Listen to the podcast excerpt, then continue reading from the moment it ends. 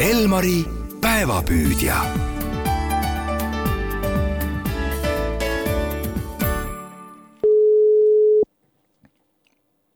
ja hallo, tervist, tervist, mina olen Tarmo Kurm, helistan raadiost Elmar, kas ma räägin Martiniga?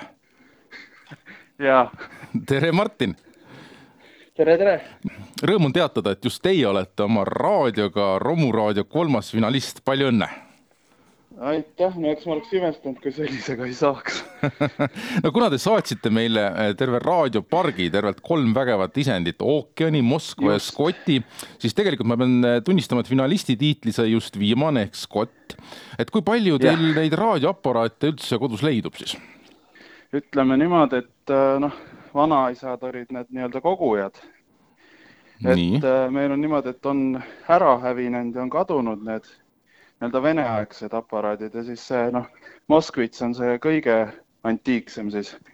selge, aga no räägimegi siis lähemalt sellest eh, neoonkollasest kotist, eh, mida peatselt ka raadiokuulajad Elmari Facebooki lehel imetleda saavad. no eh, selle aparaadi peal paistab tolmu rohkem olema kui kümne tolmuimeja tolmukoti sees kokku, et kust see tolm kõik pärit on? ta on niimoodi, et ta on mul seal kapi otsas seisab garaažis ja talle ma ühendan niimoodi, et nagu äh, sinna, kus see kõrvaklapid käivad, sinna ma ühendan siis nii-öelda kõlarijuhtme, mis mängib nii-öelda õue, ehk siis ta on niimoodi nagu jaanipäeva lege pill on ta meil siis. ja tal ongi niisugune pull värk, et ega ta rohkem neid jaamu eriti üles ei leia peale Elmari.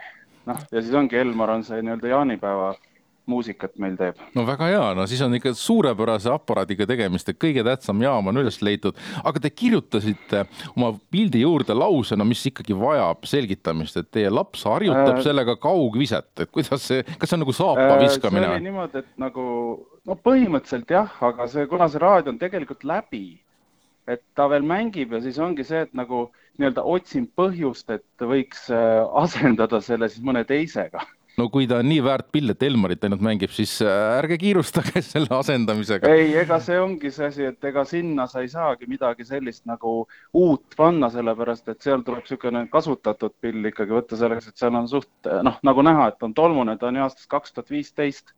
kui kaugele siis laps seda raadiot äh, visanud on, et? paar meetrit.